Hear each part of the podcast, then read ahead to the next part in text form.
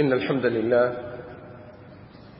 نحمده ونستعينه ونستغفره ونعوذ بالله من شرور أنفسنا وسيئات أعمالنا. من يهده الله فلا مضل له ومن يضلل فلا هادي له. وأشهد أن لا إله إلا الله وحده لا شريك له وأشهد أن محمدا عبده ورسوله.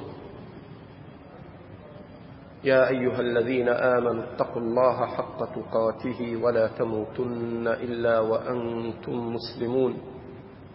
يا أيها الناس اتقوا ربكم الذي خلقكم من نفس واحدة وخلق منها زوجها وبث منهما رجالا كثيرا ونساء واتقوا الله الذي تساءلون به والأرحام إن الله كان عليكم رقيبا.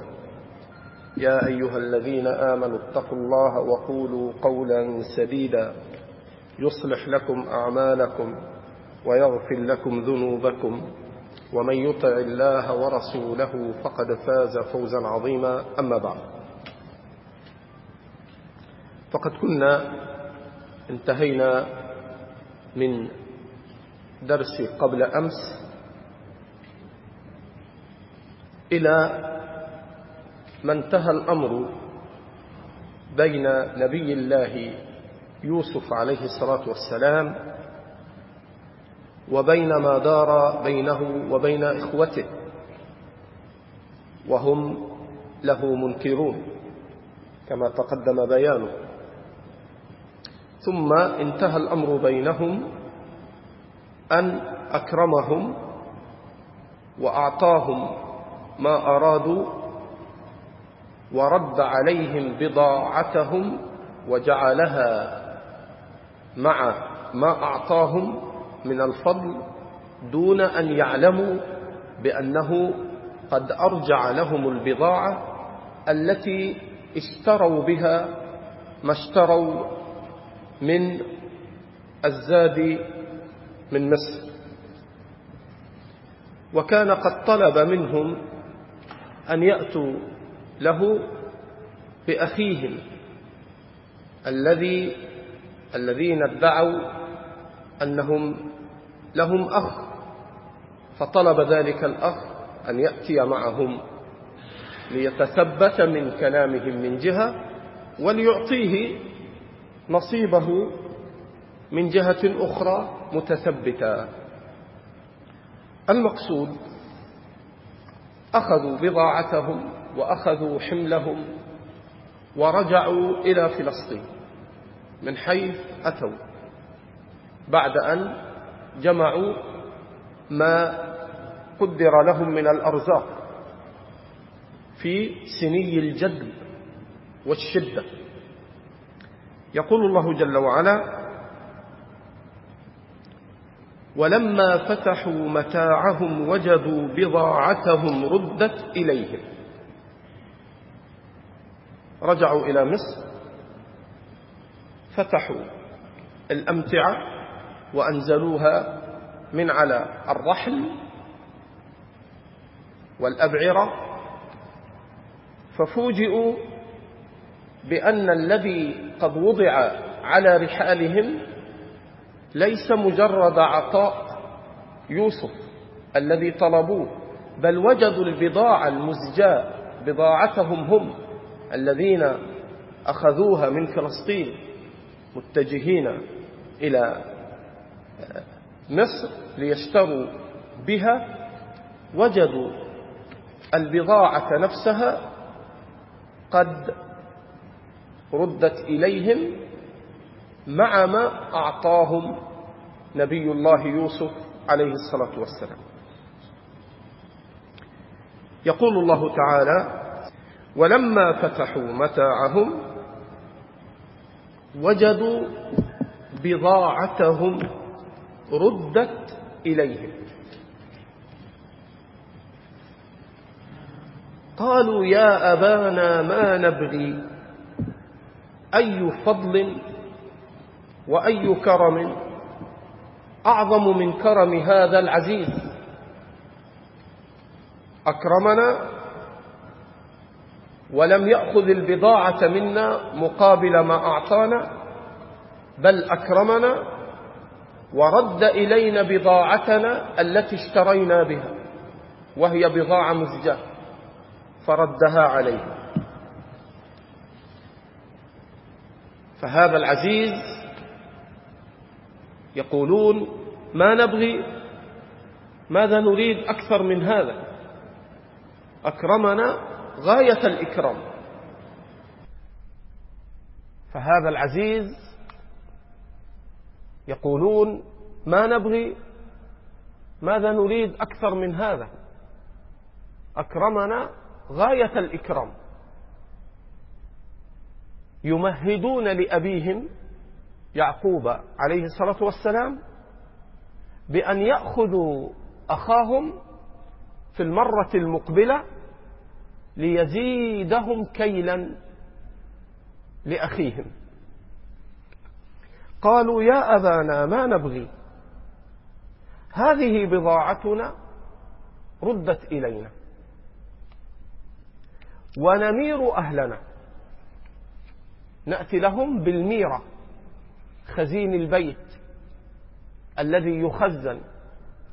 يقال مار الرجل أهله يعني إذا جمع لهم أزوادهم وما يحتاجون إليه من الميرة من الطعام المخزن وغيره. قالوا يا أبانا ما نبغي هذه بضاعتنا ردت إلينا. ونمير أهلنا ونحفظ أخانا ونزداد كيل بعير. نزداد كيل بعير. حسبة لأخيهم لو أنه جاء فسيعطى كيلا له. فنزداد كيل بعير على كيلنا. ذلك كيل يسير. أمر ميسور وسهل. يسهلون الأمر لأبيهم يعقوب. إذا لن نضر بشيء ولن تضر أنت ولن يضر أخانا. ونزداد رزقا ويعطى نصيبه من الكيل الزائد. ونزداد كيل بعير ذلك كيل يسير. قال لن أرسله معكم حتى تؤتوني موثقا من الله. لتأتنني به إلا أن يحاط بكم. امتنع من إرساله ونفى أن يرسله خوفا عليه من أن يفعلوا به ما فعلوا بيوسف. حتى تؤتوني موثقا من الله. تعطوني العهد وتحلفون بالله وتعطون العهد والميثاق والحلف بالله أنكم تأتون تأتوني به ولا تضروا. إلا أن يحاط بكم. إلا إذا أحيط بكم عجزتم أن تردوه. والإحاطة بالشيء تأتي بمعاني. قال تعالى وأحيط بثمره أهلك الثمر. فالإحاطة إذا عديت بالباء معناها الهلاك.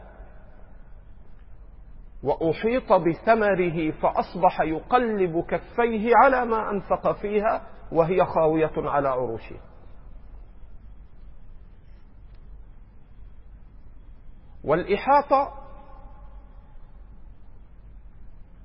القدرة والعلم والقهر. قال تعالى والله من ورائهم محيط. إحاطة العلم والغلبة والقهر. وإحاطة العلو. كما حرر ذلك شيخ الإسلام ابن تيمية رحمة الله عليه.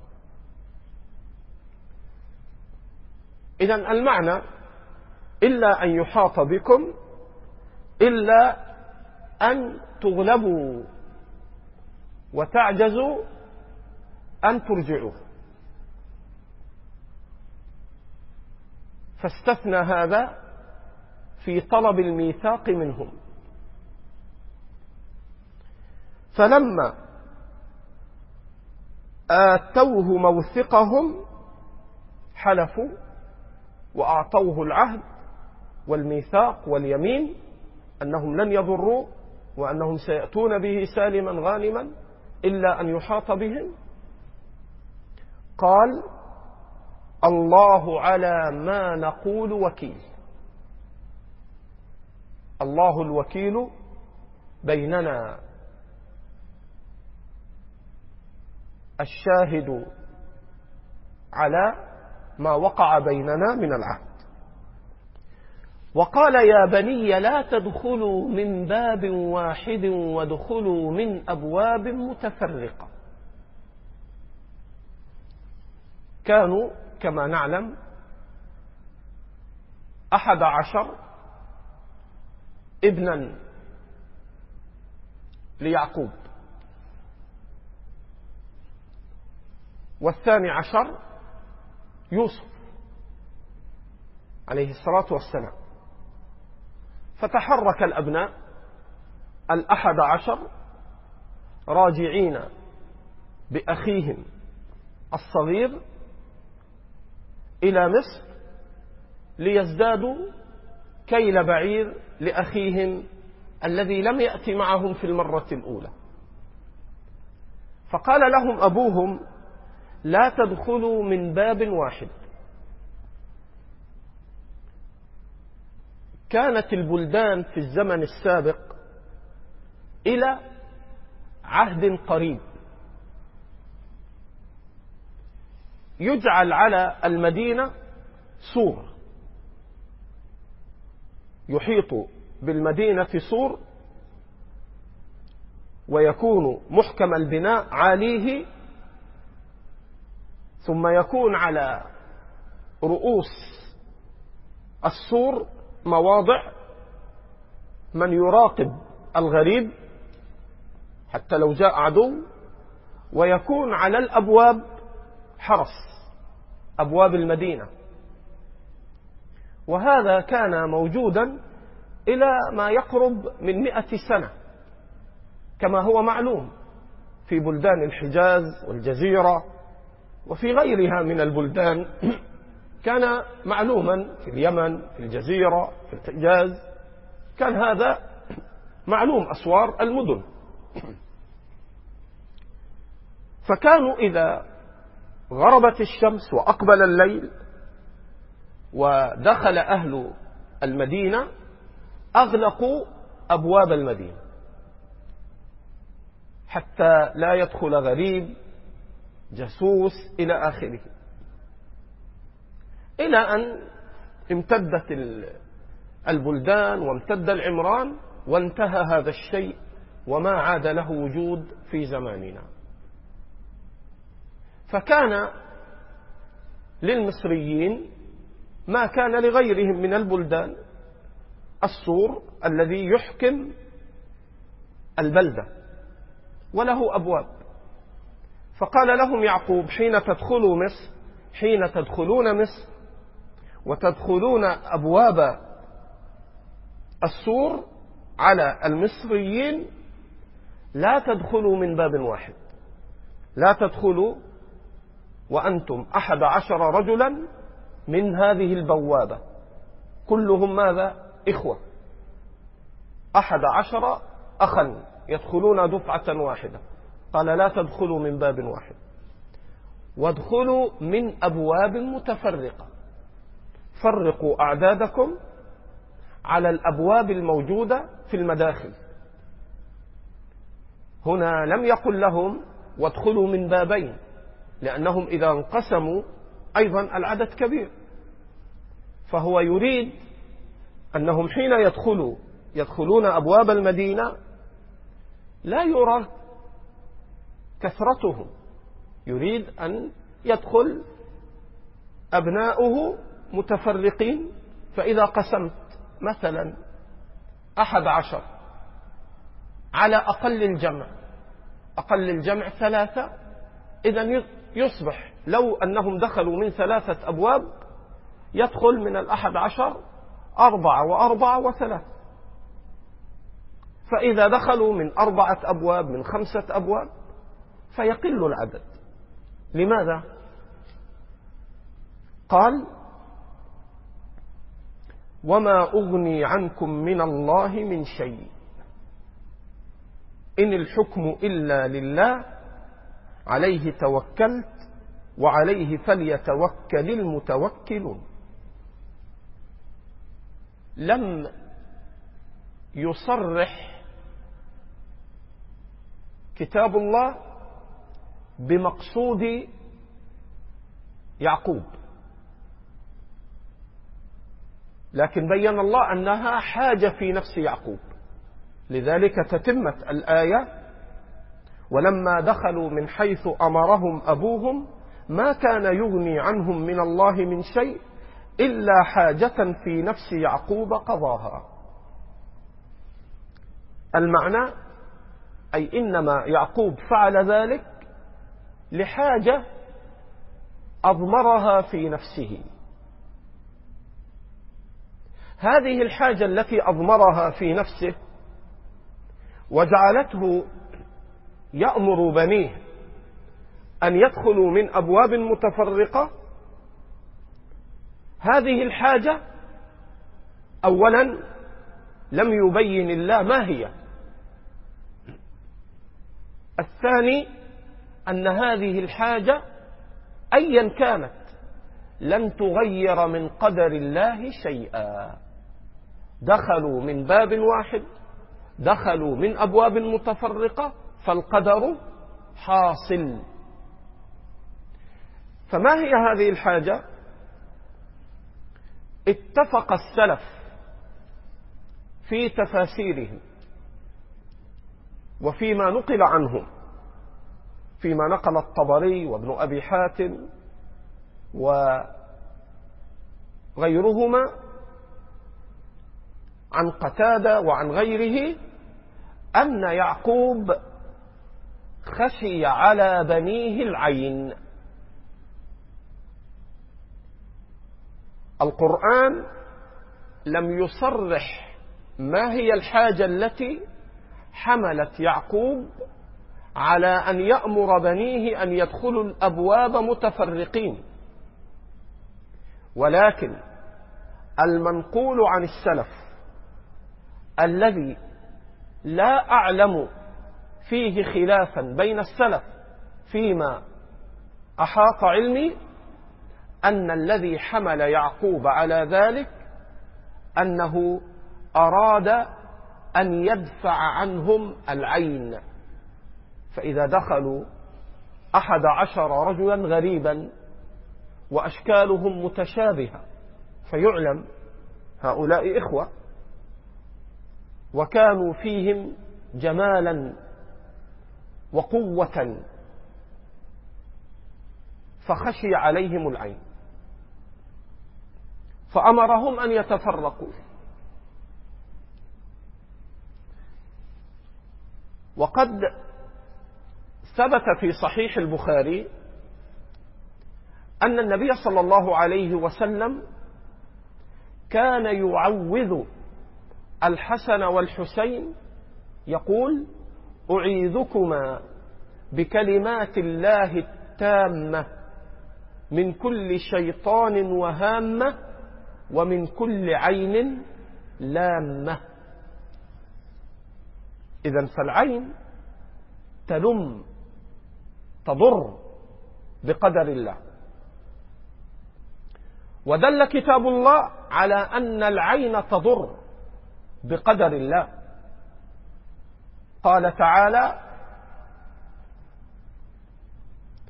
قل أعوذ برب الناس من شر الوسواس الخناس الذي يوسوس في صدور الناس من الجنة والناس. هذا إضرار الوسوسة. فجمعت المعوذات جميع الأضرار التي تضر الإنسان. إضرار الدين وإضرار الأبدان. إضرار الدين الذي يوسوس في صدور الناس. إضرار الأبدان قل أعوذ برب الفلق من شر ما خلق ومن شر غاسق إذا وقب ومن شر النفاثات في العقد ومن شر حاسد إذا حسد. هذا إضرار الأبدان. والوسوسة إضرار الدين. لذلك من السنة أن تقرأ المعوذات. قل هو الله أحد. قل أعوذ برب الفلق. قل أعوذ برب الناس خلف كل صلاة مرة واحدة. وأمر النبي صلى الله عليه وسلم أن تقرأ إذا أصبح الإنسان وإذا أمسى أن تقرأ ثلاث مرات. إذا المعوذات قل هو الله أحد والفلق والناس تقرأ دبر كل صلاة مرة وتقرأ ثلاثا إذا أصبح وإذا أمس تحصن نفسك من ما يضرك. في دينك وبدنك. وقد ثبت في صحيح مسلم أن النبي صلى الله عليه وسلم قال العين حق. وإذا استغسلتم فاغسلوا. العين حق أي أن العين واقع موجود لا يمكن إنكاره. وتضر بأمر الله. وإذا استغسلتم يعني كيف نعالج دفع العين بعد الإصابة؟ يعني عندك لا قدر ربي علينا وعليك عندك ابن. فدخل رجل ونظر إليه ولم يبرك لم يقل اللهم بارك. وتكلم ما أجمله ما أحلاه ولم يدعو بالبركة. فسقط الولد مغشيا عليه. فغلب على ظنك أنه هذا من أثر العين. ما المطلوب؟ تطلب منه أن يغسل أطرافه. العائن الذي رمى الولد بالعين تطلب منه أن يغسل أطرافه. يديه رجليه وجهه. ثم تأخذ الماء وتصبه على المعان. فيبرأ بإذن الله. وهذا معنى قول النبي صلى الله عليه وسلم وإذا استغسلتم فاغسلوا. يعني إذا طلبت منك. أبو مين؟ قلت لأبو ناصر. والله يا أبو ناصر منك السماح. أظن أنك أصبتني بالعلم. لا سمح الله يعني افتراضي فالله يجزاك خير. يعني اغسل إيديك ورجليك ووجهك واعطني المي. ليش؟ قال وأظن والله إنك عاينتني. واخذ الماء صبه على راسي هنا أبو ناصر ما له حق إنه يزعل. كيف تسيء الظن بي؟ لماذا تتهمني بإني عاينتك؟ لا ما ينبغي. وإذا استغسلتم إذا طلب منكم الماء أثر الماء من العائن. إذا طلب منك لا تستكثر ولا تست... تستنكف ولا تغضب. لماذا اتهم؟ أنا ما اني صاحب عين. قد تصيب بعينك أخاك وأنت لا تقصد. زيادة إيضاح هذا. ما رواه ابن ماجه وصححه ابن تيمية وابن حجر والألباني وغيرهم أن رجلا من أصحاب النبي مر برجل من أصحاب النبي صلى الله عليه وسلم يغتسل. فرأى من خلف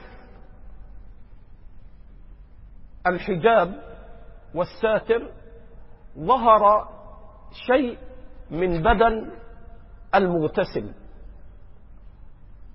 من جماله وحسن خلقته. فقال الصحابي الذي رآه ما رأيت مثل اليوم ولا جلد مخبأ. يعني ما رأيت أجمل من هذا الذي رأيته. قال فسقط من ساعته مغشيا عليه. أصابه بماذا؟ أصابه بالعين. فحملوه إلى النبي عليه الصلاة والسلام. فقال من تتهمون فيه؟ قالوا فلان مر به فقال ما رأيت مثل اليوم ولا جلد مخبأ. فدعاه النبي صلى الله عليه وسلم ثم قال على ما يقتل أحدكم صاحبه. إذا رأى أحدكم من أخيه ما يعجبه فليدعو له بالبركة. إذا رأيت من أخيك ما يعجبك في أمر دينه وفي أمر أو أمر دنياه قل اللهم بارك بارك الله لك. فهذه بارك الله لك تدفع بإذن الله أثر العين. إذا قبل أن تصاب بالعين تبرك. فليدعو له بالبركة. بعض الناس يقولون إذا أعجبهم شيء ما شاء الله. لا يقولون اللهم بارك لا يدعون بالبركة يقولون ما شاء الله. وهذا غلط. فإن قولك ما شاء الله ليس دعاء وإنما خبر. وأنت لم تؤمر أن تذكر الخبر. أمرت أن تدعو. وأما الآية في سورة الكهف ولولا إذ دخلت جنتك قلت ما شاء الله هذه لا علاقة لها بالعين. هذه في ذكر العبد فضل الله عليه. وأما الحديث الذي ورد بلفظ فليقل ما شاء الله في العين فقد ذكره الإمام الألباني في سلسلة الأحاديث الضعيفة وبين ضعفه. وإنما الصحيح ما روى ابن ماجه في كتاب الطب. وصححه من تقدم من أهل العلم إذا رأى أحدكم من أخيه أو من صاحبه ما يعجبه فليدعو له بالبركة. تقول بارك الله اللهم بارك بارك الله لك. هذه تدفع العين. قال ثم دعا النبي صلى الله عليه وسلم هذا الصحابي وأمره أن يغسل أطرافه وأن يغسل داخلة إزاره. ثم أخذ الماء وصبه على المعان. فقام وبرئ بإذن الله. إذا هناك ما يحصن من العين قبل حصولها. المعوذات الدعاء بالبركة. أعيذكما بكلمات الله التامة من كل شيطان وهامة ومن كل عين لامة. كل هذا قبل العين. بعد العين الاستغسال. وإذا استغسلتم إذا طلب منكم الغسل ليتدفع العين فاغسلوا تجيب أخاك ولا تستنكر. ما هي علاقة الماء الذي يصب على المعان فتندفع العين؟ الجواب لا ندري. ما هي علاقة أن تضع حبة في رمل في تراب فتخرج زرعا؟ ما ندري. ولكن أسباب جعلها الله لتلك المسببات أو مسببات جعلها الله للأسباب. وإلا ماذا يعقل العقل أن آخذ حبة وأرميها في الأرض وأصب عليها الماء ثم تنتج زرعا بأمر الله؟ إيش العلاقة العقلية؟ ما في هناك ترابط. والحبة هذه نفسها لو أخذتها ورميتها على بلاط ما تنتج. وهذه أرض وهذه أرض. لا بد من أرض بوصف محدد تصب الماء والأرض مالحة والماء مالح ثم يخرج لك فاكهة. ثم تخرج لك ألوان أحمر أخضر أصفر. إيش العلاقة؟ قدرة ربي وأسباب خلقها الله. قد نعقل بعضها وقد لا نعقل السببية وإنما نسلم لأحكام الرب. طيب العين تضر. ما هي السببية؟ ما هو الضرر الذي تفعله العين حتى قد يقتل الإنسان بعينه. النبي يقول في حديث ابن ماجه على ما يقتل أحدكم أخاه. إذا العين قد تقتل. ولذلك قال بعض الفقهاء من صح أنه قتل بعينه وأقر بذلك يقتل. متعمد. تعرف سابق عندكم في البادية إلى اليوم في بعض الناس يقول لك فلان صح؟ أنا ناشئ وياكم راضي وياكم. حتى عندنا في مصر يعني مش عندكم وبس الخير موجود في كل مكان. إذا كيف يقتل الإنسان بعينه؟ ما ندري. ما ندري. قالوا سبحانك لا علم لنا إلا ما علمتنا. العين تقتل؟ نعم قد تقتل. تضر؟ نعم تضر. كيف؟ ما ندري. الله أعلم. بعض أهل العلم حاول أن يدخل في باب كان الأولى به أن لا يدخل منه أو أن لا يدخل فيه. قال إن العين تبعث شعاعا. فيه حرارة فيصيب المعان. ذاك يقولون فلان عينه حارة. كل هذا لا ينبغي الدخول فيه. ما غاب عنا نقر بجهلنا وعجزنا. نكله إلى الله. الأدلة أثبتت أن العين تضر وأن العين تقتل لا نزيد. كيف؟ لا ندري. لأننا ضعفاء. علمنا قاصر. لا نحيط علما بأحكام الرب من كل جوانبها. فنقف حيث بين لنا. ونسكت مقرين بجهلنا فيما لم يطلعنا الله عليه.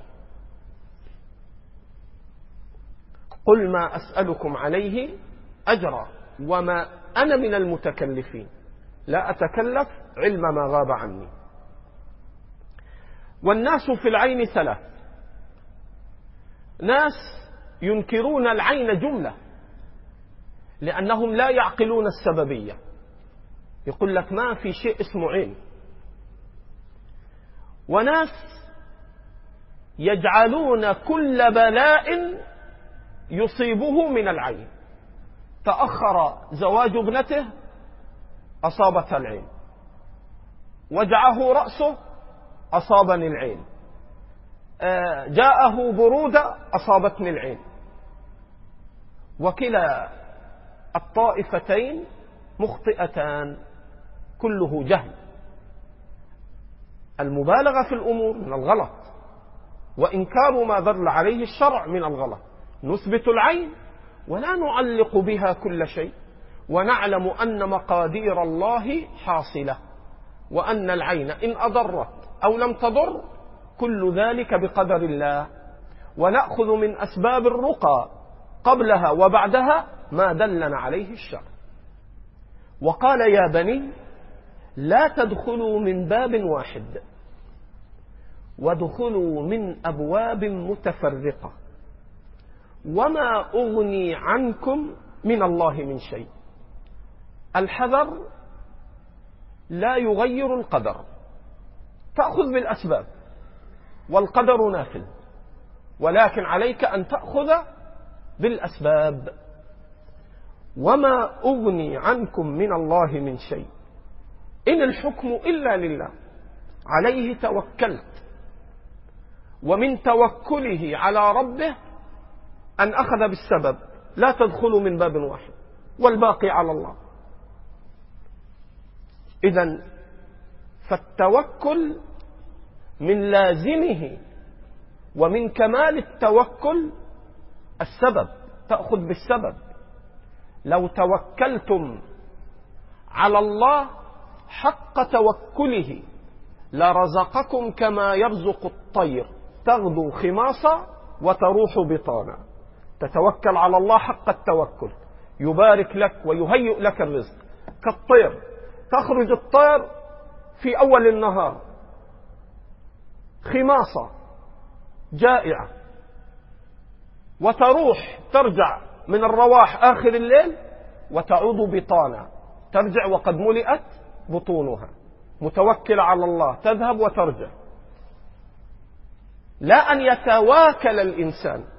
يترك الأسباب ويقول أنا متوكل على الله. هذا غلط. التوكل الحق هو الأخذ مع الأخذ بالسبب مع التوكل على الله جل وعلا. عليه توكلت وعليه فليتوكل المتوكلون. ولما دخلوا من حيث أمرهم أبوهم ما كان يغني عنهم من الله من شيء. يعقوب يقول وما أغني عنكم من الله من شيء. ثم الله يقول ما كان يغني عنهم من الله من شيء. إثبات للقدر. فأخبر الله عن قول يعقوب أنه قال أن دخولكم من أبواب متفرقة ما أغني عنكم من الله شيء من شيء. وأخبر الله أعاد الله الأمر وهو القائل أنه هذا لا يغني عن عنهم من الله من شيء. تثبيت للقدر. ولذلك النبي صلى الله عليه وسلم يقول لو كان شيء سابق القدر لسبقته العين. يعني لو هناك شيء يغير القدر ويسبقه كانت العين ولكن القدر لا يغير. القدر ثابت رفعت الأقلام وجفت الصحف. قال ما كان يغني عنهم من الله من شيء إلا حاجة في نفس يعقوب قضاها. هذه الحاجة خشي على أبنائه العين. كما قال أئمة السلف. وإنه لذو علم لما علمناه. يعلم أن العين تضر. يعلم التوكل على الله. يعلم الأخذ بالأسباب. فأثنى الله على يعقوب بأنه صاحب علم. وإنه لذو علم لما علمناه. ولكن أكثر الناس لا يعلمون والله أعلم. نقف هنا إن شاء الله.